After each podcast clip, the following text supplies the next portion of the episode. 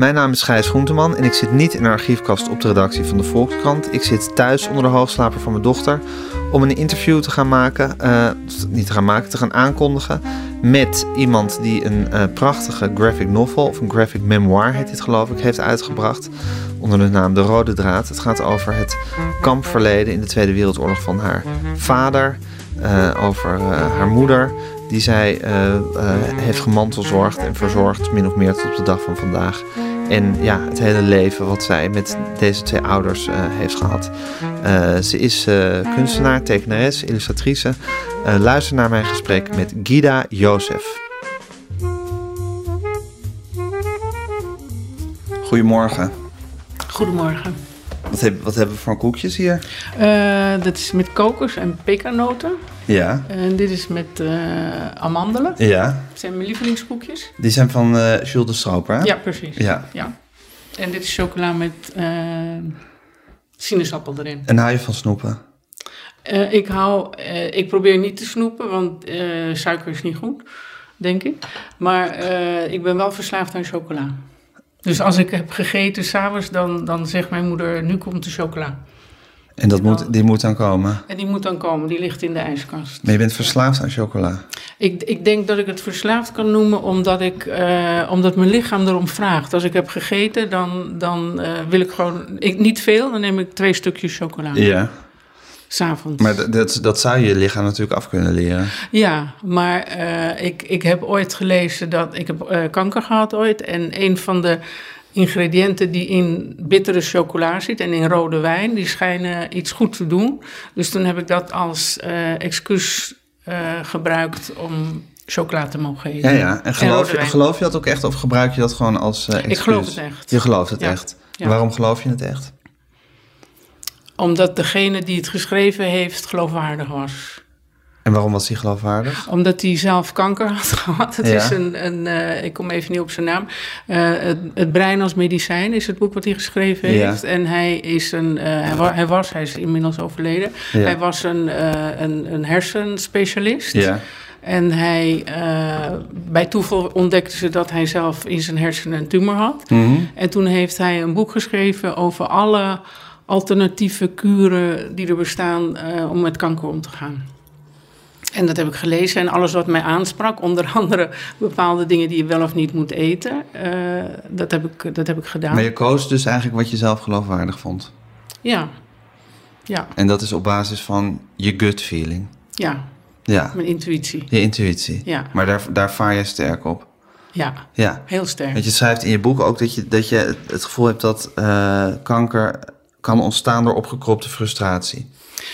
Nou, een van de ingrediënten, en dat komt ook uit dat boek, is uh, stress. Stress Ja. is sowieso, denk ik, een basis voor, voor uh, allerlei dingen die uit balans raken in je lichaam.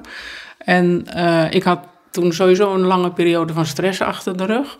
Uh, plus misschien uh, een virus wat langskomt. Een aantal dingen die samen in je lichaam gebeuren, waardoor cellen uit balans raken. Ja. Dat, is, dat is iets wat ik geloof. En onder andere in dat boek stond ook dat um, als je onverwerkte uh, trauma's in je leven hebt. Onverwerkte trauma's, ja, ja, dat was ja. Onverwerkte trauma's in je leven hebt gehad. Op een of andere manier de energie daarvan, die, die nestelen zich in je lichaam. Het is als het ware energie die verstopt raakt. En uh, als die lang genoeg verstopt raakt, kunnen die zich materialiseren.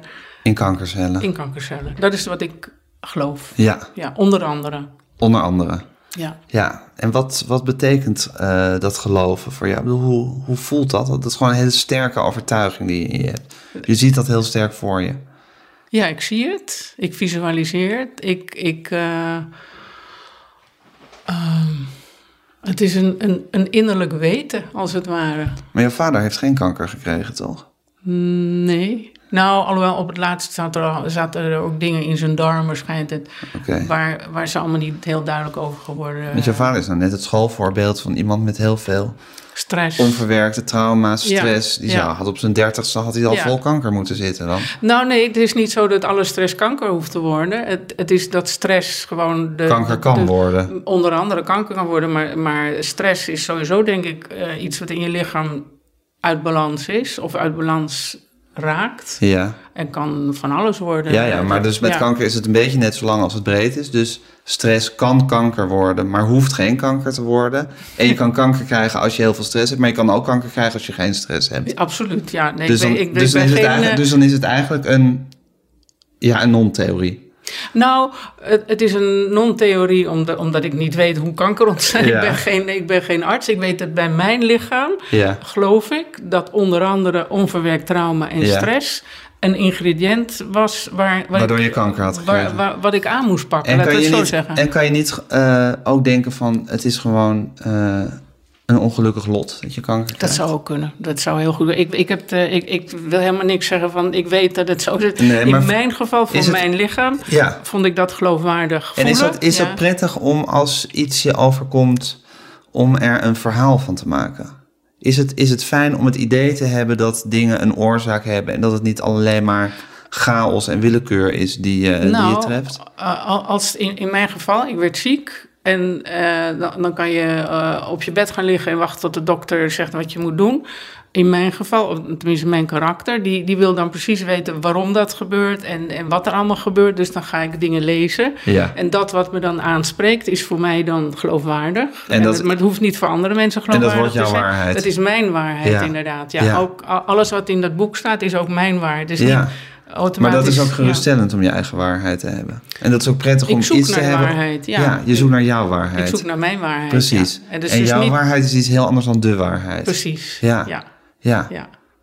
Dus voor mij, wat voor mij werkt, hoeft niet voor iemand anders te werken. Nee. Dat, dat verkondig ik Nee, en wat voor jou werkt, hoeft ook helemaal niet de waarheid te zijn. Hoeft ook niet de waarheid Nee. te zijn. Maar als het voor mij werkt, wordt het ook mijn waarheid. Precies. Wordt mijn waarheid ook eh, waar, waarder, zeg maar. Ja.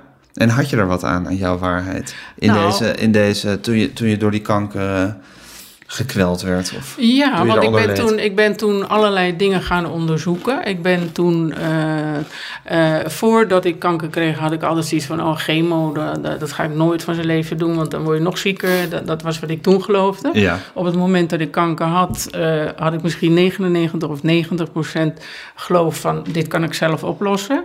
Maar dus niet genoeg.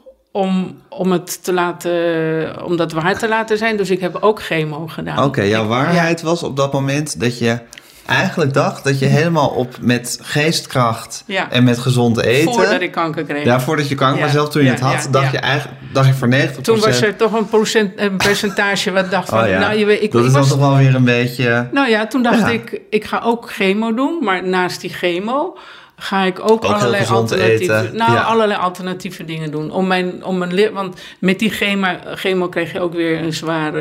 eh, ja, er komen gewoon zware medicijnen in je lichaam. Ja, En, eh, en vond ik het zelf noodzakelijk. En, en vond ik ook, eh, dat geloofde ik ook, dat ik dat heel goed kon ondersteunen met alternatieve geneeswijzen. Om je organen. In zo optimale sterk- vorm te ja, krijgen. precies, want die krijgen dan een ja, harde ja. stoot. Maar, je Die- gelo- ja, maar uh, jouw waarheid is nu dus eigenlijk dat die chemo je waarschijnlijk genezen heeft. dat weet ik niet. Dat weet je niet, oké. Dat weet ik niet. Nou, ik dacht Nee. misschien dat die, mijn, mijn zin zou zijn geweest dat die chemo jou genezen heeft, maar dat jij je lichaam in optimale conditie hebt gebracht om die chemo. Dat zou ook Te kunnen. weerstaan. Dat zou kunnen. Ja. Maar hier heb je eigenlijk geen sterk intuïtief gevoel over. Jawel, Ik, misschien heb ik het wel, maar als ik dat ga uitspreken, dan. dan eh, ik denk de, de samenwerking. dat vind je te. Dat vind je te Ja, eh, helemaal is het op de radio. Of, het, Ja, of je de podcast. of Ja, je weet niet wat de podcast is, maar het maakt Nee, niet uit. precies. Ja. maar goed, het is in ieder geval opgenomen en voor de eeuwigheid vastgelegd. Ja, precies. Nou, maar jouw sterke daar- nee. overtuiging is, eh, of tenminste dat zeggen wat jouw sterke overtuiging is, dat vind je iets te eh taboegevoelig, zou ik maar zeggen. Ehm, ik geloof het zelf allemaal wel. Maar, maar nogmaals, het is mijn is waarheid en die wil ik niet verkondigen Nee. van de waarheid. Oké, maar als, nee. als ik nu mag raden naar jouw waarheid in Ja. dit geval, is dus dat je eigenlijk het, je eh, kanker zelf hebt genezen en dat die chemo eigenlijk Nee. ondersteunend is nee, geweest. nee, dat heb je niet goed begrepen. Oh. Want ik denk dat de chemo Ja. samen met alle alternatieve dingen die ik heb Het gedaan, samen hebben gewerkt en mij hebben genezen. Ja, want ik ben inderdaad eh, kankervrij. Gefeliciteerd. Dankjewel. Ja. Het is tien jaar geleden. En, eh, maar ik, ik geloof nog steeds in, in, ehm, in alles wat niet regulier is ook. Samen. Alles. Ik denk, ik denk dat alles samen, dat, eh, holistisch, ik denk Ja. dat dat belangrijk is. ik, ik visualiseerde bijvoorbeeld ook met die chemo dat ze me precies het goede eh, kwantiteit en precies de goede middel en al die dingen, dat dat, dat, dat dat precies goed was. Want je kan het te veel of te weinig, dat zou allemaal kunnen. Eh, dat, dat visualiseerde ik ook. En eh, als, het, als het in mij gespoten werd, dan, dan op een of andere manier verwelkomde ik dat in mijn lichaam ook. Als iets wat mij ging helpen. En, terwijl ik En dat zou een ander effect, zou een ander effect gehad hebben als Dat jij er niet, vreselijk tegen verzet had. D- Dat, dat is wat ik geloof, maar dat Ja, weet precies. ik niet. Nee, dat weet je niet, maar dat- weet- omdat je die overtuiging ja, had, ja. Ja. En hoe werkt dat, intuïtie, bij jou? Hoe, hoe, hoe, hoe voel je je intuïtie? Ehm, iets wat binnenin zit. Als het ware, zeg maar, iemand eh, verkondigt iets en, en in je lichaam of in je geest of waar, waar, waar dat, wat het ook is, eh, verzet zich daar heel sterk tegen en heeft eh, een gevoel van nou, onzin. Of, of, of het, eh, het, het resoneert met jouw eigen weten. Dat is het, denk ik. Dan, dan, dan, Wacht even, dan- je moet nog, je moet nog een keer Ja. zeggen. Ja. Iemand verkondigt iets. Ja, of je leest iets, of je ziet iets. en ja. dat resoneert met je eigen weten. Ja. Dus dat wil zeggen, je leest en je denkt, ja verdomd, zo is het. Ja. Eigenlijk wist ik het al, Ja. maar ik had er nog geen woorden aan gegeven. Ja. En nu zegt deze persoon, nu weet ik dat het Ja. eh, zo waar is. Dat het waar is. Ja, dat, Ja. dat is hoe het voelt. Van eh, een, geloof, het is eigenlijk geloven. Het is geen religie, maar het is, je- ik geloof iets. Ja, En zoals mensen die in God geloven een heel diep gevoel Bijvoorbeeld, hebben over ja. het bestaan van God. Ja. Een innerlijk weten, zoals je zelf, die Ja, woorden gebruikt in zelf ook. Zo heb jij dat vaak met, met, situaties, met dingen die je leest, met dingen die je voelt. Misschien ook mensen die je moet vertrouwen of niet. ook. En, en, maar ook, ook bijvoorbeeld van eh, keuzes die je maakt. Of, eh, en soms weet ik een heleboel dingen helemaal niet. Het, het is niet dat ik alles nu zomaar ineen- ineens weet. Maar eh, soms heb je een, een vraag van... ga ik dit wel doen of ga ik dit niet doen? Ehm, en, dan, en dan op een of andere manier weet ik het dan. Wat je moet doen. Ja. Of wat ik niet moet doen. En, en dat innerlijke weten, dat, ja, wat dat is, dat weet ik niet. Maar Nee. daar, daar geloof ik sterk in. Ja, daar en daar vertrouw ik op. En daar vertrouw je op, Ja, ik- precies. ja. Als jij heel sterk het gevoel hebt, ik moet dit doen of ik moet dit niet doen, dan ga je jezelf niet zitten bevragen en dan ga je niet denken van, nou ik verdien er veel geld mee, dus ik doe het toch. Nee. Als, jou, als Nee. jouw innerlijke gevoel zegt niet doen, is het niet doen. ja, precies. Ja. En wat dat precies is, dat En heb je al wonderlijke beslissingen genomen in je leven? Voor de buitenwereld wonderlijke beslissingen genomen in je leven vanwege dit innerlijk oh, weten? Oh, nou, misschien, eh, ja, misschien wel, ja. Nou, kan je er één herinneren wonder- wonderlijke beslissingen. Ja, die, voor de Nou, buitenwereld wonderlijk, voor jou zal dat volstrekt logisch Oh, zijn misschien geweest. eh, dat je in een relatie eh, weet van dit, dit, dit gaat niet werken. Ik, voel, ik, ik volg mijn hart bijvoorbeeld. ja. En ehm, Oh, de telefoon. ja, Moet je die maar- nemen? Wat nee, zeg je innerlijk weten? Moet je hem nemen? nee, Mag nee, mijn innerlijke weten zegt dat hoef ik niet te nemen. laten gaan? Nee, het is gewoon, eh, gewoon een Oh, enquête. Ja. Geen idee wat het is. Eh, Maar in een relatie had je dan het gevoel van dit nou ja, werkt niet. bijvoorbeeld in een relatie dat je, dat je het gevoel hebt van eh, dit werkt niet. En dat misschien de buitenwereld denkt, oh, maar het is allemaal Ze prachtig. hebben zo'n En- leuk huwelijk. Ja, en Ja. Of hij is heel rijk en je was wel gek als je daar wegging of wat dan ook. Heb je ook gedaan. Ja, Rijke man verlaten. ja. Ja? Was het Ja. moeilijk? Nee, want ik was verliefd op een, op een arme Op een man. arme man. Ja, Hoe nee, was en je verliefd ik- geworden op die arme man? In Afrika. Dus je had een rijke man? Eh, De, die man was rijk, ja. Nou, nu, nu hoort hij dat. Ja, in ieder geval, die was rijk. Ken je Eh, hem nog goed? Ja, we zijn nog steeds vrienden. Oké. Ja, ja, maar ja, dat doe ik ook dan. Je blijft Eh, wel vrienden. Ja, ik blijf Ja. wel vrienden. En ehm, ik maakte een reis in Afrika. Ja, Eh, komt ook in je boek voor. Ja, komt ook in mijn boek voor. We, we reisden twee jaar lang in een jeep eh, met een tent op het dak door Afrika. En eh, wat mij betreft was onze relatie een soort broer-zus relatie geworden. Mhm. En, en Hij werd ook niet meer geconsumeerd. Er werd nog steeds Oké, geconsumeerd. maar niet op een manier, Maar- maar- op een manier zoals broers en zussen dat doen. Misschien, ja. Ik weet niet hoe, doen- hoe die dat doen, maar goed. Ehm, Je mist iets. ik, ik miste eh, een soort van warmte. Ik miste een soort van, van passie, zeg maar. En toen, en toen kwamen we een Italiaan tegen. En, en Italianen zijn sowieso gemiddeld ge- ja, een beetje ge- meer gepassioneerd, zeg maar. Ja, en daar werd ik verliefd op. Ja, dat was om niet te stoppen. Nee. Je nee, wilde het ook dat- helemaal niet stoppen. Nee, Nee. nee. Maar en toen heb ik wel die reis afgemaakt. Met die Eh, rijke man? Met die, nee, zo rijk was die ook niet. Nee, maar goed, had wat geld op zijn bankrekening. In ieder geval, we hebben de reis afgemaakt. En daar was zoiets van... Iedereen die ons kende, die had zo... Jee, jullie hebben zo'n. En die reis was geweldig. Dat is de meest geweldige reis die ik in mijn leven gemaakt ja, het was heb. ook je gelukkigste tijd, schrijf je. Ja, daarna ook nog met mijn kinderen Ja, is ook een hele Italië, gelukkige. ja. Maar, maar die reis, dat is gewoon, en voor hem ook, dat, is, dat, was, ja, dat was zo horizon verwijdend en, en zo fantastische levenservaring.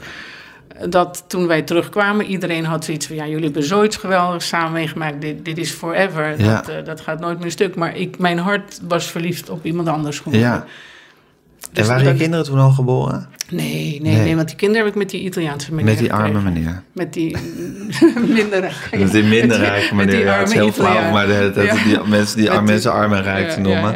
Ja, ja, nee, nee, nee, gewoon gemiddeld, zeg maar. Ja. Ja, ja en, en, daar, en toen, ben ik, toen ik in Nederland was, terug, toen eh, ben ik daarna naar Italië gegaan.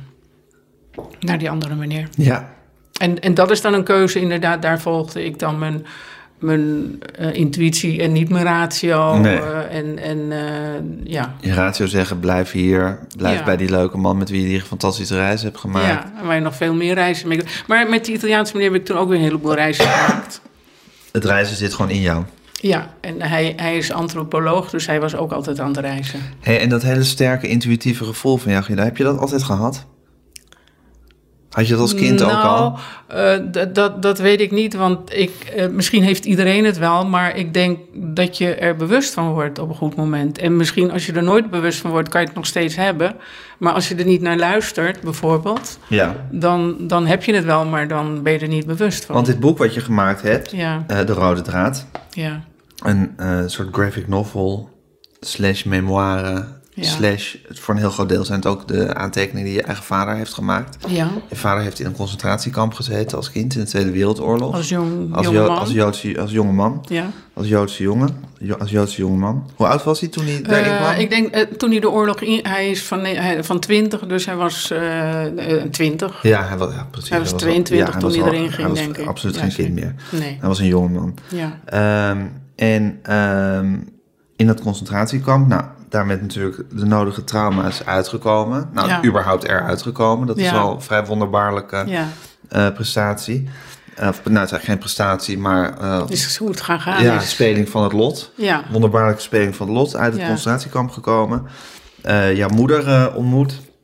En jou, eh, ze hebben jullie ge- jou gekregen als kind. ja. Eerst nog een ander eh, Een kindje, zusje. zusje, dat is overleden. Ja, ja. Ehm, en ehm, nou, jou opgevoed. En het boek gaat voor een deel over de geschiedenis van je ouders en over het heden van je ouders, maar ook over de manier waarop ze jou opgevoed hebben. ja. En de manier waarop jij in dat huis was. En ook jouw strijd eigenlijk om jezelf te vinden. ja. Om niet degene te zijn die eh, de sfeer zo goed mogelijk houdt in huis. Ja. Of jouw vader probeert te laten functioneren in het leven eigenlijk. Door hem vooral niet tegen de haren in te strijken. Ja. Of hem vooral niet in het ongereden te brengen. Eh, en gaandeweg moest jij in het leven ontdekken eigenlijk wie je zelf was. ja. Dus daarom vroeg ik me af, die sterke innerlijke stem, had je die als elfjarige ook al bijvoorbeeld? En moest je die dan negeren? Waarschijnlijk, maar eh, oh, nogmaals, omdat ik me er toen niet van bewust was. Ik, ik, ik, ik, ik deed gewoon mijn best. Ik was een braaf kind. En eh, ik ben me bewust geworden van mezelf. Eh, toen mijn eigen oudste zoon op twee, driejarige leeftijd gigantische driftaanvallen kreeg. En ik zo mogelijk nog veel grotere driftaanvallen kreeg. Ja, hij kreeg een dristaanval omdat hij zijn sokken niet goed aankreeg. Ja, omdat ze sokken niet precies op zijn knieën Ja. ophielden, maar ietsjes hoger of ietsjes lager. Ja. En, eh, en, en ik werd nog veel driftiger dan hij. Kan je die drift omschrijven die je zelf voelde toen? Ja, en dat- alsof je ontploft. Hij ontplofte omdat zijn sokken niet goed Ja, zaten. maar hij is een kind van drie. Hij is een kind van drie, dus dat, dat was vrij normaal. Maar ik, ik werd gewoon, ik wilde hem uit het raam gooien, bij wijze van spreken. Ik, ik, er- er zat een woede in mij die zo gigantisch was dat ik dacht te exploderen. exploderen. Dus dat was angstaanjagend. Nou, dat was veel te groot. Was, was uh, uh, buiten proportie groot. En toen, dat, is het moment, en toen was ik dan iets van 35. Dat is het moment dat ik dacht van, hé, hey, hier, hier is iets niet in orde met mijzelf. Uh, wat ik nu met dat jongetje aan het doen ben, dat klopt niet. Dit is, besefte ik, opgekropte woede die ik naar mijn vader nooit heb durven of kunnen uiten. En dat is het moment dat ik op onderzoek ben gegaan naar mijn innerlijke zelf, als je het zo wil noemen. En ook naar die stem, die intuïtie. Die kwam toen vanzelf tevoorschijn. En die heb je tot die tijd, heb je die eigenlijk onderdrukt of genegeerd nou, of niet gehoord? Ja, of, niet uh, gehoord misschien. Ja. ja. gewoon niet, of niet naar geluisterd. Denk je, of... over, als je over jezelf denkt voor je 35ste, is dat bijna iemand anders? Um, nee, dat, dat, dat ben ik ook, maar... Um, Um, dan, ik ga dat ding uitzetten. Vind je dat ik vind het prima. Ja? Als, je, als jouw innerlijke stem zegt, je mag, je mag zeker opstaan. Geen ja, enkel probleem. innerlijke stem zegt, Ja. Oh. Ja. Ik ga het even... Oké, nu hoor ik hem niet meer. Ja, je bent, je bent onder, onder de indruk van mijn innerlijke stem, geloof ik, hè? Ik vind het gewoon interessant. Ja. In ieder geval, uh, ik denk dat iedereen een innerlijke nee, meer, stem heeft. Dat ja. denk ik ook. Maar Ja. omdat jij uh, uh, daarover duidelijk zo bewust van bent dat Ja. je hem hebt en je daar zo trouw aan wil zijn, dat je het gevoel hebt dat je, dat je daarnaar moet luisteren, Ja. denk ik dat je dan al die jaren dat je dat niet hebt kunnen doen. Dus la- laten we zeggen, dat, la- ik heb twee theorieën. Of die stem is bij jou sterk en dan heb je jezelf echt heel lang heel erg geweld aan moeten doen. Mhm. Om daar, zou maar zeggen, niet trouw aan te zijn, maar om je vader te dienen. Ja. Of je ouders te dienen. Maar vooral Ja. je vader was, was heel bepalend voor de Ja. sfeer in huis. Eh, dus dan heb je, heb je jezelf echt moeten forceren. Dat is één mogelijkheid. Ofwel, eh, ehm, eh, dus je hoorde hem en je hebt hem genegeerd. Ofwel, je hebt hem al die tijd zo onderdrukt dat je eigenlijk niet eens wist dat je een eigen wil had. Ja. En dat je die pas eigenlijk ontdekt hebt. En dat je daar daarom misschien nu ook zo trouw aan wil zijn. Dat zou kunnen. Ik, ik weet niet, eh, alle twee deze theorieën weet ik niet. Ik weet dat, dat het heel belangrijk is in je leven of je wel bewust bent van dingen of niet bewust bent van dingen. Want eh, net zoals eh, je karaktereigenschappen kan hebben en als je daar niet bewust van bent, dan heb je ze wel, maar dan ben je er niet bewust van, dan kan je er ook niks mee doen. Nee. Je kan ook in een relatie denken van, eh, van je vrouw of je man of je kind of, of je vriendin. Van goh, ik vind dit of dat van haar of zijn karakter. Ja. Maar zolang die persoon zich daar niet van bewust is, heeft het helemaal geen zin om het ook te zeggen of eh, iets mee te doen, omdat Nee. je er niks mee kan doen. En, en ik denk dat ik eh, toen ik klein was gewoon alleen maar mm, braaf eh, deed wat het beste was onder de omstandigheden. En ik denk Ja. dat kinderen dat sowieso doen. Dat ze ook gevoelsmatig, maar dan is die stem nog niet eh, hoorbaar misschien, maar gevoelsmatig gewoon het beste doen om zo goed mogelijk te overleven. Ja. En Kinderen zijn ongelofelijke aanpassers. Absoluut, Ja. ja. En, en die willen ook alles doen, denk ik, om hun ouders gelukkig te maken. Ja. Want als, die ouders, als het goed gaat met de ouders, gaat het automatisch Precies. ook goed met het kind. Ja. Dus ik denk dat, dat dat gewoon een overlevingsstrategie is. En zolang je daarmee doorgaat. En ik heb er misschien nog steeds last van dat ik bepaalde dingen doe om maar te zorgen dat het goed gaat met mijn moeder, die nog steeds leeft. Want daardoor gaat het dan ook goed met mij. En hetzelfde ken ik eigenlijk ook wel met mijn kinderen. Als het goed gaat met mijn kinderen, dan gaat het ook automatisch goed met mij. En vind je jezelf dan eigenlijk te dienend daarin? Of zeg je van dat is ook goed om dienend te zijn in het Nee, leven? ik vind dat ik te dienend ben. Ja? Ja. Heb je Ik nog... vind dat ik, eh, dat ik eh, te verantwoordelijk ben, want ik leid eronder. Ik, ik kan mijn zorgen niet loslaten uit mijn hoofd, omdat ik het constante gevoel heb dat ik alles op moet lossen van andere mensen. Want als dat allemaal opgelost is, maar dan moet ik bijna de hele wereld oplossen, dat lukt niet. Ja, Maar wat heel dicht bij me staat, dus mijn moeder en mijn kinderen en, en vrienden of vriendinnen.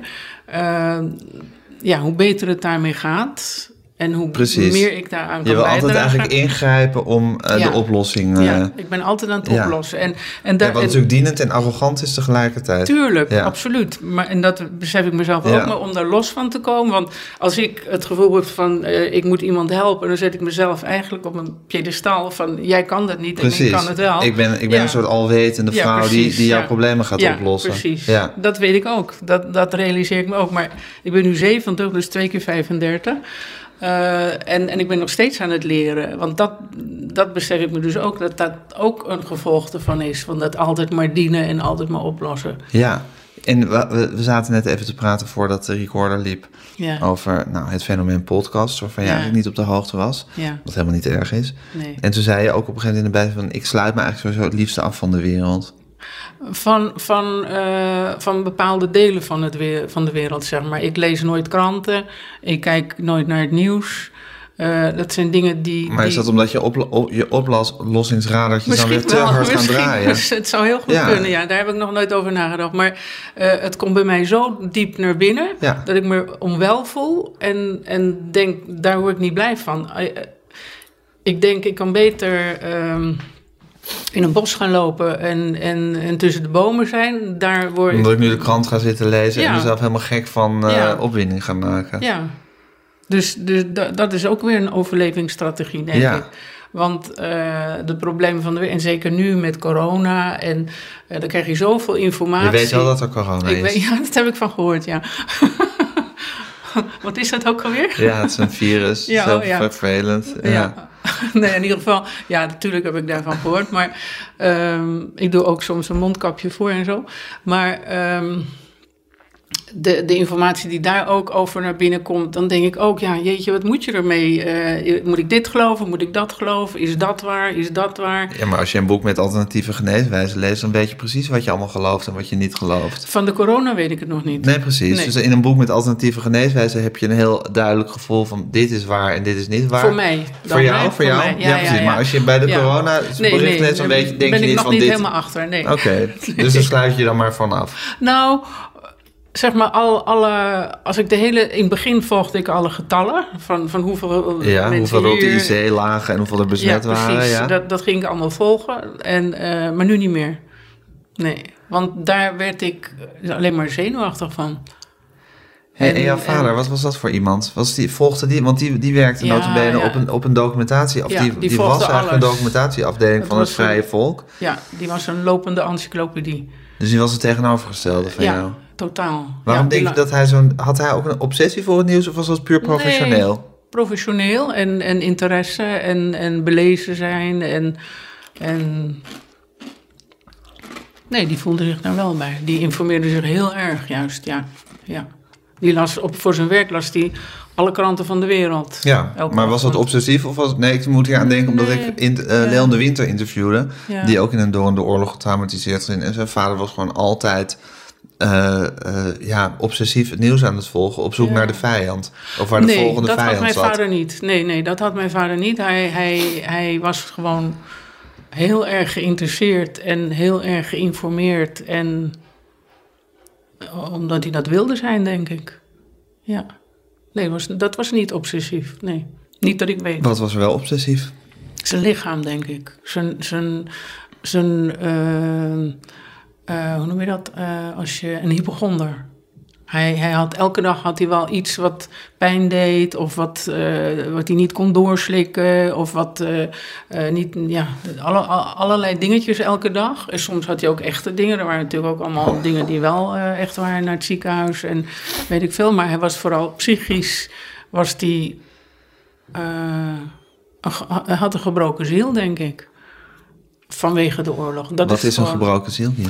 Ah, dat, dat, dat die innerlijke stem waarschijnlijk, waar ik het de hele tijd over heb, Ja. eh, dat die verstoord is. En, en dat je niet meer in contact kan komen met, met een soort rust die daar vanuit kan gaan.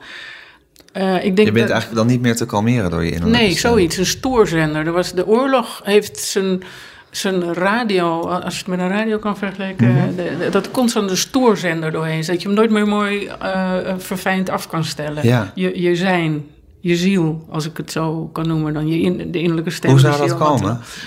Door, door al die trauma's en al Door de die verschrikkingen die, Ja, die, dat die, die- wel, en ja. de angst die hij heeft gehad Ja, natuurlijk. absoluut. Want de volstrekte willekeur van leven of, Ja. eh, of sterven die Ja. daar in het concentratiekamp eh, was natuurlijk. Ik denk dat hij zo verstoord is geraakt daardoor.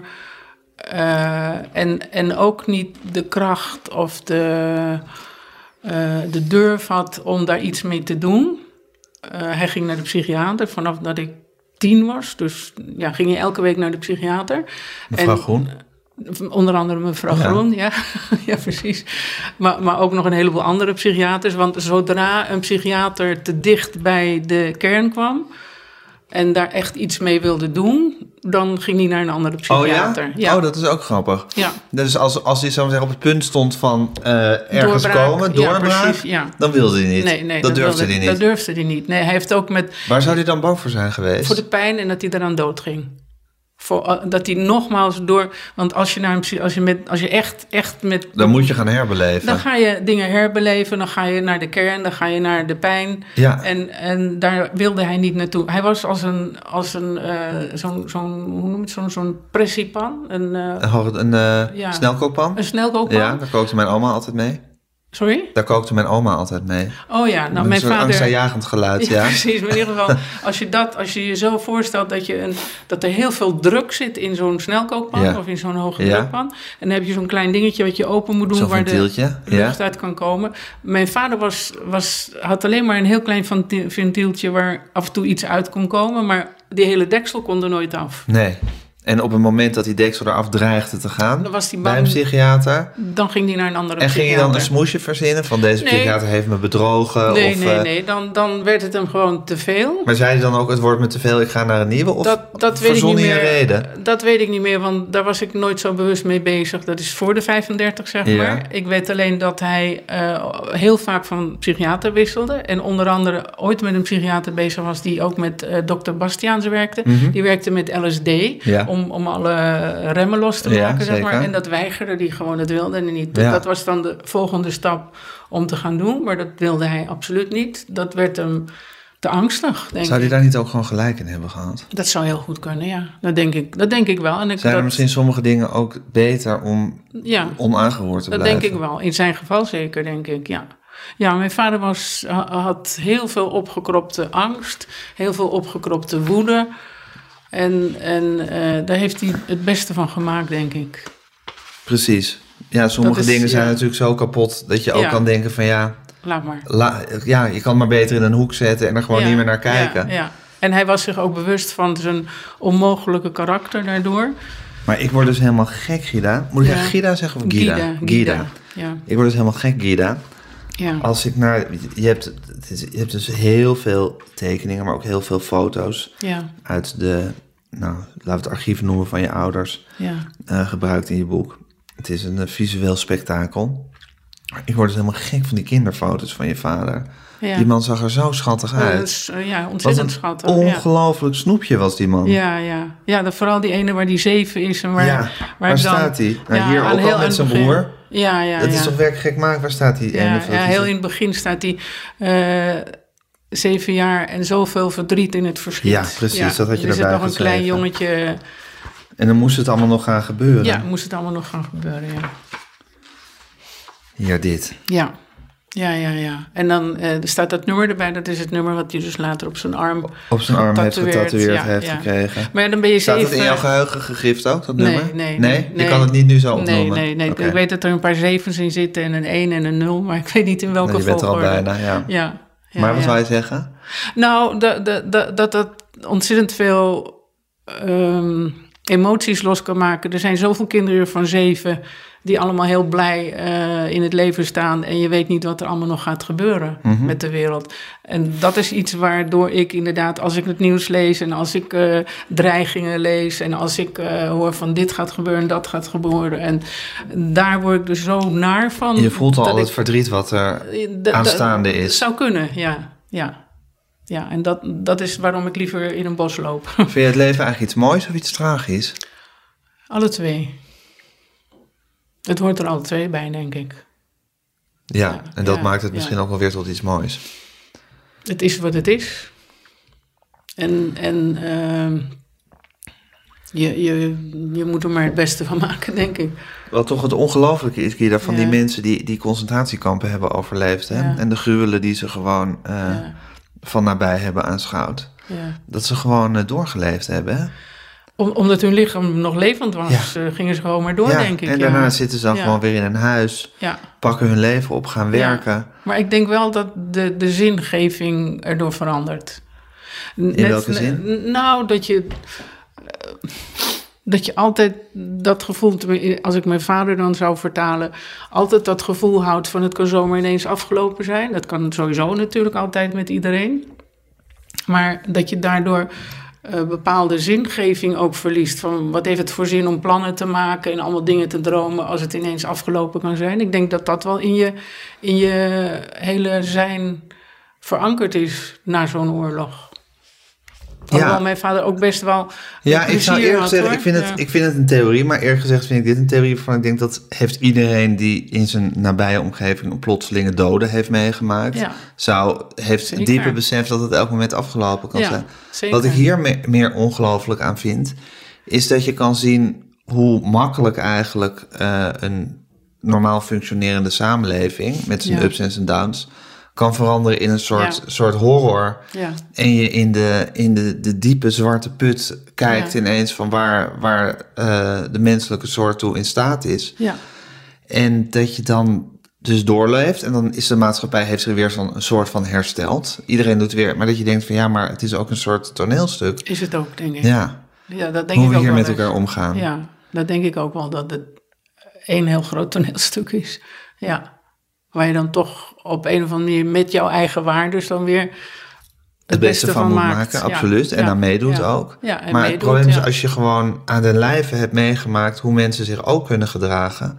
Hoe kan je dat toneelstuk dan ooit nog serieus nemen of geloven of daarin functioneren? Nou goed, dat vind ik dus het ongelooflijke dat ze, dat, dat ze dat toch gekund hebben. Met alle kwetsuren die erbij horen. Ja, maar ik denk dat dat ook een hele tijdelijke kleine toneelstukjes zijn. Die, die per dag een ander toneelstukje zijn ook weer. Leg eens uit wat je bedoelt. Nou, uh, zoals mijn vader kon bijvoorbeeld uh, goede dagen hebben of slechte dagen hebben. En ik denk uh, dat je, je mind, je, je geest gevoed wordt door slechte herinnering, dan heb je die dag een slecht toneelstukje, denk ik. Ja. En als je dat los kan laten, als je een manier kan vinden om dat om los die te herinnering laten. eventjes te blokkeren. Ja, o- blokkeren of, of ik weet niet precies hoe Of je af dat... te leiden of zo. Ja, ja. Ja, afleiding is ook iets anders natuurlijk. Mhm. door, door bijvoorbeeld eh, naar dingen te gaan kijken of lezen of op vakantie te gaan. Of, Ja, eh, jullie, je beschrijft dat jullie bijvoorbeeld hele vrolijke vakanties hadden naar Frankrijk. Ja, ja, Of precies. jullie gingen varen op de Ja. Vinkenveense plassen. Ja, Dan, was het, dan kon het ook heel leuk zijn ineens. ja en dan, veranderde, als- je, dan veranderde je vader ook in een fluitend, vrolijk iemand. Als hij naar Frankrijk ging. Ja. In Frankrijk heeft hij. En dat heeft met herinneringen te maken. Ik denk Mhm. dat als je. Ik denk, de geest is ook zoiets wonderbaarlijks. Als je je geest voedt met goede herinneringen, fi- fijne herinneringen, dan worden er zo auto- automatisch, denk ik, chemische stofjes aangemaakt die maken dat je je fijner Ja. voelt. Als je je geest voedt met In ieder geval voel je rotzooi. de geborgenheid van vroeger dan weer. Ja, ook. en dan was hij als kind in Frankrijk geweest op Hij vakantie. was, hij was voor de oorlog door zijn ouders naar Frankrijk gestuurd, omdat ze dachten dat dat veiliger was. ja, ja. Dat was als, eh, zij dachten dat hij daar, eh, ja, gewoon... En dat was een relatief onbezorgde tijd voor hem. Daar heeft hij echt genoten in. Frankrijk. Daar heeft hij, hij was eh, 18 of 17 toen hij er naartoe gestuurd is. En daar heeft hij genoten van, ja, als een jonge god in Frankrijk. Ja. En maar hij is toch opgepakt daar en, en toen was het En afgelopen. afgevoerd. Maar, maar dus Frankrijk representeerde fijne herinneringen. En dus als hij, zodra hij bij België de grens overging, was hij een andere man. Waarom is hij niet geëmigreerd naar Frankrijk? Dat heeft hij heel vaak gedacht, maar dan kwam weer boven dat hij een bange man was en Ja. dan, dat hij net de moed niet had om dat te doen. Nee, dat had hij, dat, ik denk dat dat heel goed was geweest. Als hij naar Frankrijk was verhuisd met Ja. ons en, en eh, daar was gaan leven, ja. Ja, want inderdaad Ja. kan je afvragen of je inderdaad altijd maar weer met therapieën en dingen Ja, moet proberen alles op te lossen. Of dat je maar gewoon de beste oplossing moet kiezen voor wat er, met wat er voorhanden is. Eh, en, en dan, kan- dan kan je zeggen, eh, doe gewoon lekker waar je zin in hebt. Ja, want dat doe waar je, je. Waar, je zo goed mogelijk, waar je goed bij ja, voelt, zo ja. goed als mogelijk. Ja, maar dan, als ik dan terugkom bij mezelf, dat doe ik zelf ook niet. Ik zou het liefst eh, ook. eh, ik ben net eh, in Sardinië op vakantie geweest. En daar, daar, dan laat ik alles los. Want dan, dan is gewoon de omgeving is fijn. Het weer is fijn, het eten is fijn, eh, alles is, Ja. is prettig. Italië maakt bij jou weer heel veel goede ja, dingen bij los. mij, ja. Mhm. en, en dan denk ik, waarom doe ik dat? Nee, dat doe ik niet, want eh, ik moet voor mijn moeder zorgen. Mijn moeder is hier alleen en ik moet, eh, dat is stuk en dat is, moet opgelost worden. Ik ga weer in mijn oplos. Ja, maar goed, voor je moeder zorgen is misschien ook in die zin een opportunistische daad. Dat als jij nu zou zeggen, jongens, tabé, ik vertrek, vertrek naar Daar voel ik me ook niet goed dan voel je Nee, ook niet goed. omdat niet. je, Kan omdat, omdat, niet. omdat Nee. er een knop in jou is die toch ook zegt dat je moeder gewoon verzorgd moet worden. Ja. Maar, maar het is wel een, een, een, een, een sleutel naar eh, dat je kan begrijpen als je jezelf in prettige omstandigheden Ja. neerzet, dat dan het geheel Ja. allemaal beter voelt. Ja, en het was voor je vader was het misschien helend geweest om gewoon in. Frankrijk te gaan wonen. Om daar een huisje te kopen. ja, dat denk ik wel. Ja. Maar dat heeft hij niet gedaan. Maar we gingen op vakantie. en, dan was tot hij, en dan werd hij vrolijk. Da- dan werd hij gewoon anders. Dan begon hij een beetje zo te hupsen. Een beetje, en dan hij sprak vloeiend Frans. Eh, dan ging hij met iedereen praten daar. Dan, dan voelde hij zich. Hij was een eh, andere man. Ja, hij was een andere man. Ja. Hoe vond je dat? ja, fijn. Dat vond ik fijn. Behalve toen dat ophield en hij paniekaanvallen kreeg en niet meer durfde te reizen. Toen hield dat op. Op een goed moment kreeg mijn vader paniekaanvallen en, en, eh, en toen hield reizen naar Frankrijk op. Want hij durfde gewoon niet meer die auto in te stappen en die reis te dan, maken. dan, dan, dan, dan gingen ze, of, of zelfs als ze naar, naar iets in Nederland gingen, naar een feestje of naar eh, ergens naartoe en dan eh, netjes aangekleed en alles. eh, en dan een half uur later kwamen ze weer terug. Eh, dan had mijn vader een paniekaanval. Mijn moeder was dan helemaal mooi. Mijn moeder hield van feestjes. ja, dat schrijf je ook. En, eh, en dan, ja, dus dat was een andere periode. De deur uitgaan werd, werd Ja, eigenlijk hij een... ging eh, niet meer de deur uit. Dat werd, eh, dat, dat werd een opgave. Dat, eh, ja, dan kreeg hij angstaanvallen. Waarom en hoe dat ontstond, weet ik niet. Het, gewoon die reserve, dat, dat, die kleine, dat kleine knopje op die snelkookpan... begon een beetje kapot te gaan misschien. Ja, zoiets. Wat een leven? Ja, voor hem, ja.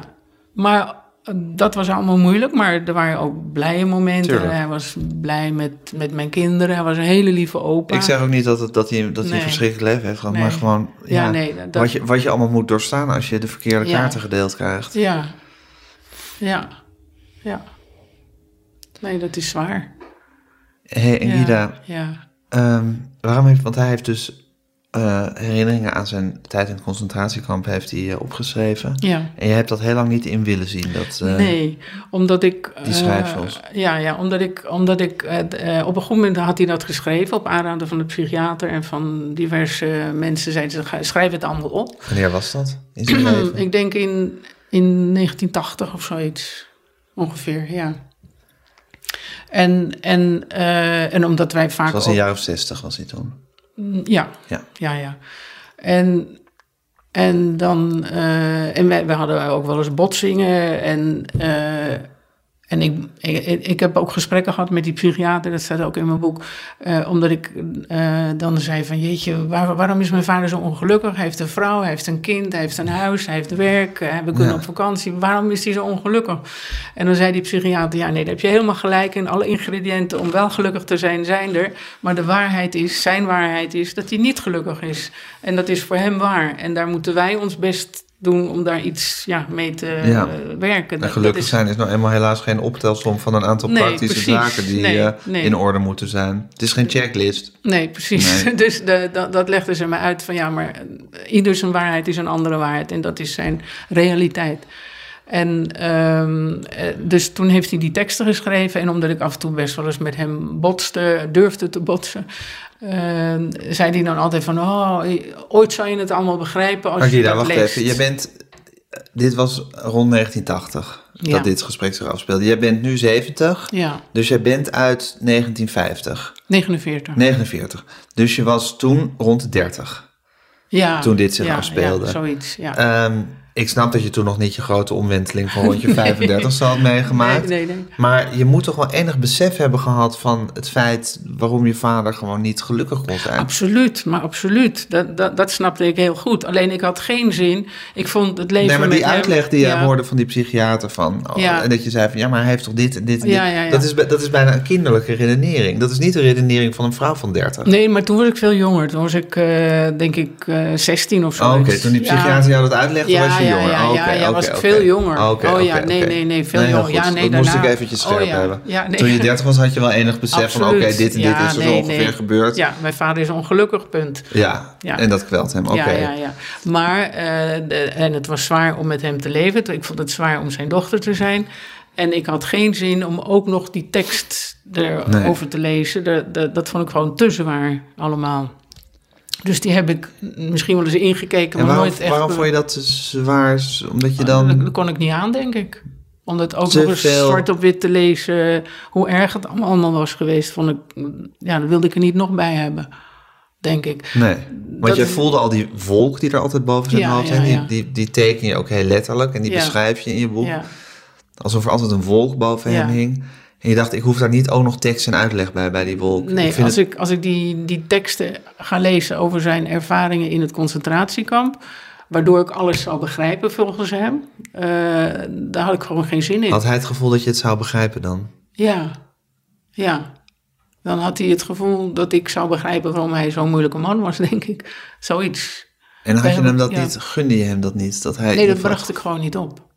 Dat, bracht, Nee, dat, zou dat was één wel- stap te ver. Ja, Je had het hem misschien gegund, maar ik, je kon ik gunde het hem alles, niet. denk ik, maar ik, dat, dat kon ik gewoon niet opbrengen. Daar had ik gewoon letterlijk geen zin in. Want hij stierf eh, met in zijn armen of op zijn bed zijn poes, De kat. de kat. waarvan hij zei, de enige persoon ter wereld die me begrijpt. Ja, precies. Ja, Blijkbaar hunkerde hij naar, ja begreep. ernaar om begrepen te worden. Ja, en dat komt denk ik omdat hij zich, eh, ja, dus een grote driftaanvallen en, en nou ja, een moeilijke man, zeg maar. Moeilijke man voor mijn moeder, moeilijke vader voor mij. En, en, eh, maar dat gebeurde gewoon, dat, Ja. dat had hij niet onder controle. En wat er dan daarna gebeurde was dat hij dan eh, wel eens 's nachts bij mijn bed kwam huilen van het spijt me zo, het spijt me zo. Maar als kind, dan, dan ben ik dus weer een stuk jonger, snap je er helemaal niks van Nee. natuurlijk. En... ehm, dus, dus hij besefte heel erg eh, dat hij moeilijk was. Hij hing ook altijd briefjes op, eh, bijvoorbeeld in de, in de badkamer, in de deur aan de binnenkant voor mijn moeder van... eh, vergeef me, ik hou van je, eh, dank voor je geduld, eh, allemaal van dat soort dingetjes. Hij wilde zelfs een keer, vertelde hij aan mij... eh, ja, toen nodigde hij me uit om koffie te komen drinken met hem. Ik zei, ik heb een plan. Toen wilde hij een brief schrijven aan de koningin, dat was Beatrix toen, om te zeggen hoe, mo- hoe moedig mijn moeder was geweest gedurende hun leven. En dat dan de koningin zou herkennen hoe moedig mijn moeder was geweest. En toen had ik zoiets van, ben je helemaal besodemiet en dan ga je de koningin niet meer lastigvallen. Doe gewoon lief tegen mijn moeder. Dat, Dat- kon hij niet. Nee, kon die niet. Nee. Maar dan breek je hart toch als je dit hoort. Ja, de- hij wilde eigenlijk dat je moeder... boos. Hij wilde eigenlijk dat je moeder een lintje kreeg Ja, voor wijze van spreken. hem verdragen. Ja, ja, precies. Ja, dat. En, en ik was toen, eh, de, weet ik niet meer hoe oud ik was, misschien 25 of wat dan ook. Ik was toen echt zoiets van, nou, kom op, Flikker toch op, man. Ja. Ga je gewoon Doe gedragen. gewoon normaal. Doe, ik kan wel doe gewoon- huilen. Ja, doe maar gewoon aardig. Maar eh, dus ja, zo, zo werkte zijn brein en zo werkte mijn brein op dat moment. Ja, maar Dus- zijn brein was kapot natuurlijk. Zijn dus hij was kon, zich kapot. niet meer, hij kon zich niet meer gedragen zoals hij zich zou willen. Ja, en schaamde zich daar diep Ja, voor. ja, ook. Maar dat besef heb ik nu veel meer dan dat ik het toen had. En die- eronder, als je eronder moet leven, is het Nee, precies. zwaar. Nee, want dan zit je erin. Ja. En die teksten wilde ik niet lezen, maar die heb ik dus nu, dat ik eh, over mijn moeder begon te tekenen, dacht ik, nou dan ga ik ook die tekst van mijn Het vader is misschien ook wel te verwarrend als je dan die teksten leest. En je moet Ja. dan begrip hebben voor iets waar je eigenlijk ook misschien soms gewoon geen begrip voor wil hebben. Nee. Je wil misschien ook Je gewoon het- kwaad kunnen zijn op je vader. Ja, en en dat wil- zeggen, dat man, gedraag je. Ja, precies. Maar als je, al die, als je die verschrikkingen weet, dan kan je dat bijna niet meer Nee, denken. nee, ook niet. Nee. Nee, precies. Dat is precies hoe, hoe zoiets ontstaat. Ja. Je leert op eieren lopen omdat je zo iemand wil sparen. Ja, En, eh, maar, maar dat is buiten proportie. Dat is niet, dat is niet gezond. Eh, natuurlijk heeft hij veel meegemaakt, maar daarna kan je er op verschillende manieren mee omgaan. Hij bracht het niet op om dat op de manier te doen dat het makkelijk voor ons was. Eh, Ik ken ook mensen die ook in kamp hebben gezeten die er op een andere manier mee omgaan. Dus ik weet dat dat kan, maar dat ligt aan je soort karakter, denk zeker. ik. En eh, dit is hoe hij het gedaan heeft. En dit is hoe ik erop gereageerd heb. En hoe mijn moeder erop gereageerd heeft. En, eh, maar ik, Nou, dat is natuurlijk ook wel een- interessant van die driftaanval die je dus Ja. had op je 35ste bij je Ja, zoontje. Ja, waarvan je zegt dat was eigenlijk woede op mijn vader die eruit kwam. Maar het was misschien ook gewoon gekopieerd gedrag van je vader. Dat zou ook nog Die natuurlijk ook drift had. En het kan misschien ook gewoon een soort eh, jullie karakter zijn. Misschien heb je, had je Eh. vader een driftig karakter en heb jij ook een driftig karakter? Ik heb geen driftig kara- karakter, denk ik, helemaal niet. Maar eh, zoals ik het meer zag, was dat het gewoon op, dan heb ik het weer over die energie Ja. die opgekropt in mijn systeem zat. En die eruit moest Nooit ineens. durven reageren, nooit boos durven worden, nooit tegen mijn vader in durven gaan, op eieren leren lopen. En dat is niet gezond, want dat zit dan toch in je systeem op een of andere manier. En dat wordt dan door iets heel kleins, in dit geval door een jongetje van 2,5, wordt dat getriggerd. Mhm. En dat, dan geloof ik ook weer in, er zijn meer dingen dan wat we allemaal weten. Hey, en je, je zegt, Ja. ik durfde niet tegen mijn vader in te gaan. Maar toen hij dus aan jou vroeg, eh, met heel zijn hart, om die eh, memoires te lezen, Ja. of die herinneringen te Ja. lezen, toen durfde hij toch te zeggen, ik wil het niet. Ik heb ze ingekeken. Ik, eh, dat was Ja, letterlijk van, ik ga ze niet lezen, ik wil ze niet lezen. Ik heb een beetje... om- om- eigenlijk om hem een beetje om de tuin te zetten, heb je nog een beetje Ik- gedaan of je, of je ze las of zo? Ja, dat weet ik niet meer heel precies. Eh, dat, dat, werd, dat werd ook niet echt een gesprek, zeg maar. Het was meer van, ik ben dit aan het schrijven. En hij zat heel vaak op zijn typemachine te schrijven. En, en het, ja, het was meer van, als je ooit wil begrijpen hoe het allemaal zit, lees dit dan. Zo was het meer. Het was niet van, je moet het nu lezen of wat. Maar wat ik weet is dat ik het gewoon nooit echt eh, heel erg eh, intens heb gelezen. En dat je denkt dat je hem daar wel plezier mee had gedaan. Weet ik niet. Hij, hij vroeg meer om begrip van eh, accepteer me, accepteer dat ik een moeilijk mens ben, misschien. Heeft je dat- moeder ze gelezen? Ja, die heeft ze gelezen, ja. Ja. Ja, ja, dat wel.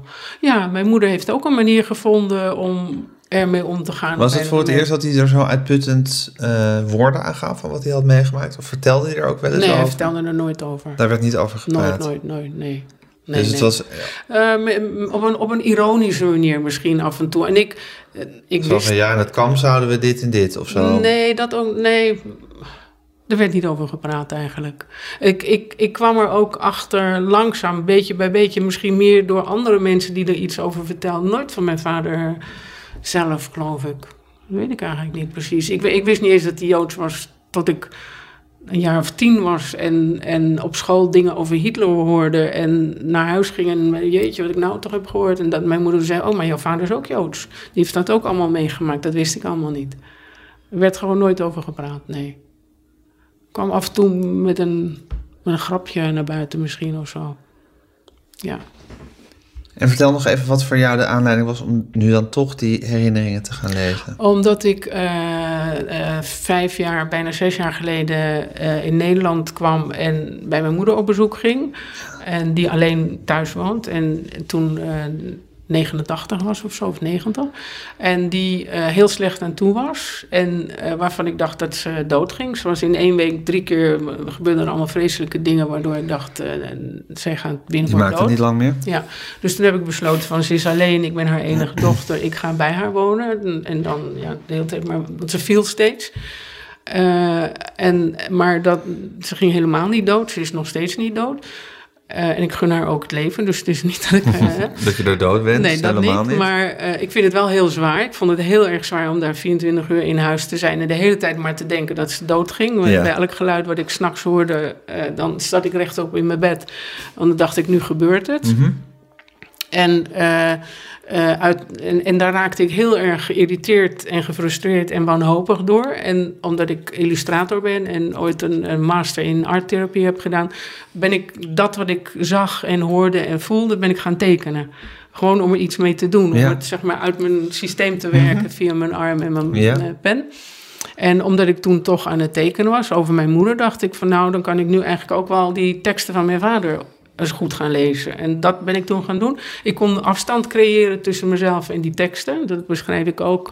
Ehm, want als, je, als, als ik daar. Ik, ja, je moet een soort observator worden van een tekst en je er niet mee verbinden. Om hem goed te kunnen lezen, om niet eh, de, pijn te voelen. En dat kon ik op een goed moment. Eh, en, en ik ben ook als een observator dat gaan illustreren. Op een goed moment dat je ze vaak hebt doorgelezen, of niet? Omdat ik zo vaak Nou ja, je hebt ze vaak gelezen, waardoor je op een gegeven moment een soort afstand ervan kon nemen. Nee, ik ben niet? gewoon begonnen met lezen. En ik vond het afschuwelijk om Ja. te lezen. Want ik ging dan allemaal beelden. Dan komen er bij mij allemaal. Ik ben heel Mhm. visueel. Dan komen er allemaal beelden los. En ik ging op internet kijken. En dan ging ik echt kijken van jeetje, misschien staat mijn vader. Misschien ligt mijn moeder, mijn- mijn oma, die is vergast, eh, ligt daar misschien wel op die foto. En, en dat vond ik heel erg zwaar. En ehm, daar werd ik heel erg door geraakt. Dus ik moest iets met mijn systeem doen. Waardoor ik, eh, net, dat schrijf ik ook, net als een arts die, die niet ziek wordt van zijn patiënt. Je moet Ja. luisteren naar alle, alle Ja, vreselijke Maar je dingen moet er eigenlijk ook ongevoelig voor worden. Ja, dus ik heb een soort bescherming gecreëerd in mezelf. En het, en het gewoon als een, als een tekst gelezen en me er niet mee verbonden en niet met mijn vader verbonden. Zodat ik het ja, kon observeren. Wat vond je ervan, van die tekst? Ja, gruwelijk. En, en ik moet er ook niet te diep ingaan om, om dan te realiseren... oh jee, dat is met mijn vader gebeurd. Dat heeft hij allemaal meegemaakt. Dan, dan, dan doet dat bij mij ook heel veel pijn. Daardoor kon ik het ook, denk ik, op een ja, soms humoristische manier illustreren. En de, en de ironische dingen ervan zien. Het is gewoon zo'n idiote tijd. Het is onvoorstelbaar dat het gebeurd is. Ja, maar ook, ook als je het dan weer hebt over het toneelstuk. Dat was echt een gruwelijk toneelstuk. Ja, het ingewikkelde is natuurlijk dat je, dat je altijd kan afvragen van... Is, wat is het toneelstuk? Wat we nu aan het doen zijn of Ja. wat dit was? Ja, Ja, dat, bedoel, dat, dat lijkt me een beetje de angstaanjagende vraag ja, eh, van dit alles. Als je dit hebt meegemaakt. ja. Ja, het is ook zo lief... eh, duidelijk, maar ook een beetje onbeholpen opgeschreven hè, van je vader. Ja, Qua stijl heel, heel, en ja, qua- heel droog ook. Heel, Ja. ja. ja, want toen ik het las, had ik ook zoiets van... Hij heeft het ook als een observator opgeschreven. Want hij... hij eh, het, er zitten geen emoties bij, lijkt het wel. Hij, hij beschrijft wat er gebeurt. Ja, Hij zit er niet in als hij het nee, schrijft. Nee, maar ook niet omdat ik zijn- bedoel, als je Primo Levi leest, dan lees je hem zeggen een groot schrijver die Ja. zijn herinneringen opschrijft. Ja, En als je jouw vader leest, dan lees je jouw vader die zijn herinneringen opschrijft. Ja, ja. En dat is, daar wil ik hem helemaal niet mee tekort doen, want het is Nee. misschien nou, net zo indringend of indringender. weet- Nou, ik hoef daar helemaal geen Ja. rangorde in aan te brengen. nee. Maar het is, ehm, het is gewoon verteld ja, hoe het was. ja. Ja, Maar dat is precies waarom al- altijd van psychiater verwisselde. Hij ging niet naar de diepte, hij ging niet naar de pijn.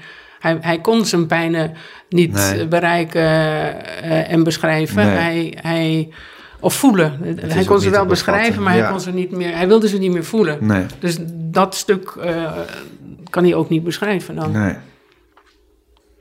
Hoe was het voor jou om dit boek te maken? Eh, intensief. Heel erg intensief. Hoe lang heb je daarover gedaan? Twee, drie jaar denk ik wel.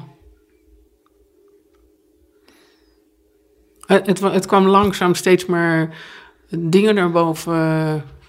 Van, oh dat kan ook. En ik, en ik ging dus allemaal dingen opzoeken. En, en op internet, maar ook eh, thuis eh, allemaal documentatie opzoeken. En briefjes opzoeken. En, en oude foto's opzoeken. En, en met dat ik dat deed, kwamen er dan weer herinneringen boven bij, van mijn eigen kindertijd. En die weer correspondeerden met ervaringen van mijn vader. Bijvoorbeeld dat van die, van die benen van mijn vader. Ja, die vol ik- littekens zaten, waar je voor schaamde. Waar ik als kind eh, dacht van, jee, wat een enge benen heeft hij. En, en, en, maar dat wist ik helemaal niet. Toen was ik klein en daar schaamde ik mij voor, voor die benen. En mijn vader had altijd van die nachtjaponnen aan. Nooit een pyjamabroek waar zijn benen altijd onderuit staken. En, eh, en dan lees ik daarna dus in die teksten hoe die geschopt wordt door de SS op zijn benen. En dat die wonden maar niet willen genezen. En die connectie, kom, dan komt er bij mij ineens die herinnering. Oh shit, die benen van hem, ja, daar schaamde ik me voor. Maar die zet ik dan naast elkaar. Dat is, dat is wat tijdens dat boek maken gebeurd is. Dat er dan eh, herinneringen van mij naar boven kwamen. En, en, eh, Die ineens verbonden raken met de geschiedenis Ja, en wat hij ja. heeft meegemaakt. Dus het wordt in elkaar gevlochten Ja. eigenlijk. Ja. Op Heb je eigenlijk meer... Ja. Ben- Ben je vader eigenlijk gaan begrijpen, zoals hij hoopte dat je zou doen als je die dingen las? Tot zover mijn mogelijkheden reiken, denk ik wel, ja. Heb Maar- je spijt maar- dat je ze niet gelezen hebt toen hij nog leefde? Nee, nee ik, heb geen, ik heb nergens spijt van met mijn vader. Ik heb echt ontzettend mijn best gedaan om... om Je bent een goede dochter geweest. Ik ben een hele goede dochter geweest, ja. En, en eh, ik denk, ik heb alles gedaan wat ik heb kunnen doen op dat moment. En nu, eh, in, dit is ook een soort ode aan zijn leven, eh, dat stuk van hem. En eh, ik, van hem heb ik geen spijt, nee. Nee. Nee, en ik, en, en, en ik ben zelfs dankbaar. Ik ben ook geworden wat ik ben. Ik ben. Ik denk, dan denk ik ook weer, en dat is dan ook weer die innerlijke stem. Dit is de vader die ik heb gehad, dit is de moeder die ik heb gehad. En die hebben gemaakt dat ik ben wie ik ben. En daar ben ik ook ben ik blij mee. Ja. Ik vind het oké. Er is een, een eh, schrijnend stuk in het boek dat gaat over een hondje wat je had, of een hond, Ja, die weg moest op een Ja. gegeven moment, omdat hij Ja. dingen vernielde als, eh, Ja. als hij alleen thuis was. ja. En eh, Dat ik heel erg, ja. dat, is, dat, is, dat is in een kinderleven is dat natuurlijk een drama. Ja, En eh, ja, wat je een kind ook niet aan zou moeten doen eigenlijk. Ja. Maar hij schopte die hond ook in zijn, Ja. eh, in zijn drift. ja. Eh, werd je dan niet razend? Nee, want ik was te klein en, en, en ik snapte er niks van. Maar als kleinkind kan je toch ook razend Nee, worden als je- vader je hond ik werd niet razend. Ik, ik was echt alleen maar... ehm, ik was bang. Bang voor hem, bang Ja. voor die drift. Ja, ik was alleen maar bang. Ik was niet razend. Dat, dat, dat, is pas, dat is pas toen mijn zoontje driftig werd. Toen werd ik pas razend. En misschien tegelijkertijd bang voor je eigen drift. Op dat nou, moment. ik, daardoor besefte ik, hier moet ik iets mee doen. Precies. Dit is niet normaal. Nee, nee, omdat je dus Ja, heel en goed dat is dan weer doorvoelde... bewustzijn. Omdat je dus Ja. heel goed doorvoelde hoe angstaanjagend dat was. Ja, Voor je zoontje, maar ook voor jezelf misschien wel. ik weet niet wat hij ervan heeft gekregen. Is dat de eerste keer dat je, die dat je zo'n driftaanval had? Toen met die sokken? Zo'n bewu- bewuste. Ja, misschien heb ik ze... Nee, ik denk... Ja. Dat is de eerste keer dat ik bewust word van... hier is iets aan de hand wat niet Ja. normaal is. En toen die hond wegging, Maar je was zegt, ik ik alleen ben maar geen verdrietig. driftige iemand. Mm, Dus je had, nee. daarvoor heb je die driftaanvallen eigenlijk niet gehad. Nee. Nee, ik ben, ik ben niet een driftige. Ik ben iemand die heel... Dus uit Ja. het niks kwam ineens die Ja, met je zoontje, met je eigen kind. Ja, dat gek is ongecontroleerde bij je eigen kind. Ja, ja. Dat is het. Eh, Misschien heb ik me altijd onder controle. Ik kan mezelf heel goed onder controle houden, Ja. denk ik. Ik ga ook het liefst conflicten uit de weg. Dat is Mhm. misschien wel iets wat je meekrijgt met zo'n opvoeding, met zo'n training. Of omdat je, of omdat ja. je voelt, eh, als ik een conflict niet uit de weg ga, ontplof ik en dan wordt het te hevig. Mm, ik, ben, een- ik ben eerder bang voor de andere, voor dat een, iemand anders ontploft dan dat ik zelf ontplof. Misschien dat je dan jezelf spiegelt in die ander. Het kan kunnen. ook voelen dat, je die drift Daar ben ik aanval... nog niet, ik niet. Dat zou kunnen, ja. Het kan natuurlijk ook zijn dat je die driftaanval voelde in jezelf. Dat zou kunnen, ja. En dat je dacht, ik moet Ja. zorgen dat, die, dat die de- ook weer die deksel op de pan blijft. Dat, dat zou kunnen. Daar, eh, daar ben je me voor, maar dat weet ik niet. Maar eh, ik, ik beschouw mezelf niet als een driftig iemand. Ik beschouw mezelf meer iemand als... Ik, ik kan heel veel... Hoe komt het me naar binnen, naar binnen, naar binnen? Ik ben wel iemand die alles naar Opslaat. binnen laat komen. En dan, woe, dan, dan krijg ik pijn in mijn maag en pijn, in mijn buik. Bijvoorbeeld mijn oudste zoon is iemand die... Het komt binnen en het, het explodeert gelijk weer naar buiten. Dus dan is alles meteen weer over. Ik... ik eh, en dan komt er iets. Ehm, maar dat, ja, dat is hoe mijn eh, karakter blijkbaar werkt. Of maar, hoe je karakter gevormd is. En, en ook gevo- je, je, wordt al geboren met een basis, denk ik. En daarna wordt het eh, gestuurd en, en gevormd. Ehm, ja, Mijn gok is, Ja. gok, dat zowel jouw vader als je oudste zoon, als jij misschien van nature gewoon drift in zich hebben, dat het bij jouw vader, eh, vader uit de hand is gelopen door de ervaring die hij heeft gehad. dat En dat het bij jouw zoon misschien op een vrij natuurlijke manier zich af en toe uit, wat Ja, ook wel helend kan zijn. ja, En dat, dat, dat, dat, dat jouw jeugd zo getekend is geweest dat je dat gewoon heel erg hebt moeten onderdrukken. ja, misschien. Ja, we weten het niet. Het is ook Nee. eigenlijk niet. eh, Nee. Ook dit is maar weer een waarheid. Dus jouw waarheid weer. mijn waarheid. En wat heb je daar? Jouw idee erover, ja. Hoe vind je het om het boek nu zo hier? We hebben nu helemaal niet over je moeder gehad. Het is ook zo mooi dat je schrijft dat je, want je moeder was dus zijn, eh, toen hij uit het concentratie kwam, kwam, kwam hij haar tegen. Ja, Hij had TBC en zij was zijn verpleegster. ja, En toen zijn ze verliefd geworden blijkbaar. ja, ja, In ieder geval heeft hij haar zwanger gemaakt. ja. En eh, hij zei, of zei ze, dat dat eigenlijk altijd de rolverdeling is gebleven Ja. tussen van verpleegster en patiënt. ja. Dat, dat is mijn visie Dat is, op jouw, hun leven. dat ja. is jouw visie op Ja, hun dat is leven. mijn visie op Denk je hun dat je leven. moeder die deelt, die visie? Dat denk ik wel. Ja. Ja, want ik denk er zijn meerdere momenten geweest in haar huwelijk met mijn vader dat ze weg heeft willen lopen en ook echt weg is gelopen. En dat dreigde ze ook tot, tot laat eh, mee. Mijn vader dreigde van dat hij wegging en ging op kamers wonen. En mijn moeder dreigde dat ze wegging. Maar ze deden het nooit. Mijn moeder deed het nooit, denk ik, omdat ze medelijden met hem had. En ehm, ehm, wat was je vraag? Of, ze, het, of zij die relatie tussen hun, hen ook zo ziet Oh als ja. die van verpleegster ja. en patiënt. Ik denk, ik denk het wel, ja. ja. Ja. ja, want mijn vader bleef zich altijd als patiënt gedragen. En je moeder, is nooit bij hen weggegaan. Nee, En je beschrijft dat ze tot op zeer hoge leeftijd nog altijd soort met mannen aan het flirten Ja, ja, was. ze heeft ook en is misschien nog wel. Oh ja, Weet als ze de kans krijgt wel, Als ze de ja. kans krijgt wel. Denk Ja. je dat ze er relaties op nahield? Denk Ja. je dat ze vreemd ging? Nee, dat weet ik. Dat weet je. Ja. Ja, ja. Ja, nee, ze heeft ook kansen gehad om, om echt weg te gaan. Ja, maar misschien is ze dus jouw vader eigenlijk als een soort patiënt blijven verzorgen altijd. En haalde Ja. ze er, er, er, er genoegen in de liefde Ja. eh, elders. Ja. Ze, ze, ze hadden... Misschien was het een, een haat-liefde verhouding die ze hadden ook. Ja, er werd of, heel of, veel of een soort gemaakt. overeenkomst. Ja, Zij moest hem verzorgen. Het is Ja. op zich ook wel weer groot van haar dat ze het gedaan heeft. ja, zeker. Dan- Want dat heeft ze tot, tot, tot, totdat hij... Het laatste jaar van zijn leven lag hij op bed. En, en, en, en dan ging zij hem eh, altijd verzorgen. Ja, voor hem koken en verzorgen. En, ehm, en toen, toen zag ze er ook uit alsof ze 120 was. Dat, dat, dat zag ik dat dat haar totaal ehm leegzoog. Uitwoonde, Ja, ja. leegzoog. En toen is mijn vader overleden en toen bloeide ze helemaal op. En toen heeft ze na twee, drie jaar weet ik niet, heeft ze een relatie gekregen eh, met een veel jongere man. En, en, en toen bloeide ze echt heel leuk. Dan werd ze ineens weer 40 jaar jonger. Ja, Met alles erop en eraan. met alles erop en eraan. Ja, Ja, precies. die relatie. Ja, mocht ook iedereen weten. Ja. het werd gevierd, de liefde. Werd- ja, precies. Ja. Ja. Helaas ging die meneer dood. Ja. Dat is heel, heel erg jammer. Daardoor, daardoor is mijn moeder denk ik ook weer in een hele diepe put gezakt. En daardoor is ze gaan drinken. Ze drinkt gewoon veel te veel. Ja. Al die levens, hè, Gida? Ja, nogal, ja. Al die levens. Ja, ja, precies. Ja. Ja. Een heleboel. Dankjewel. Graag gedaan.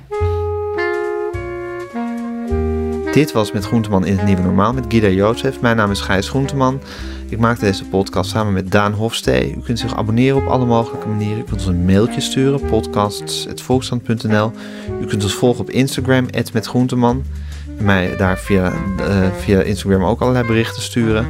En eh, u kunt ons, en dat zeer op prijs, lekker veel sterretjes geven.